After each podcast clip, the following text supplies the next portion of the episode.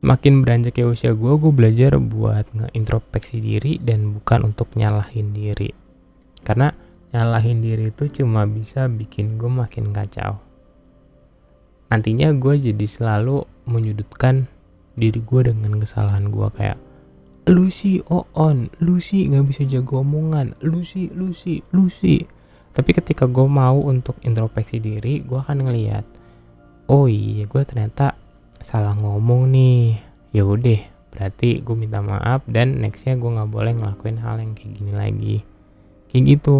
Karena ketika gue punya niatnya untuk introspeksi berarti di situ gue mau memperbaiki diri gue ketika gue mau memperbaiki diri gue di situ pikiran gue jadi lebih sehat karena gue acknowledge diri gue salah. Oh ya gue salah. Jadi bukan kayak nyalahin tapi mengakui kesalahan dan akhirnya itu jadi bikin lebih tenang dan bisa lebih mudah untuk uh, move on dari kesalahan yang ada. Gue belajar gitu sih. Kalau lo gimana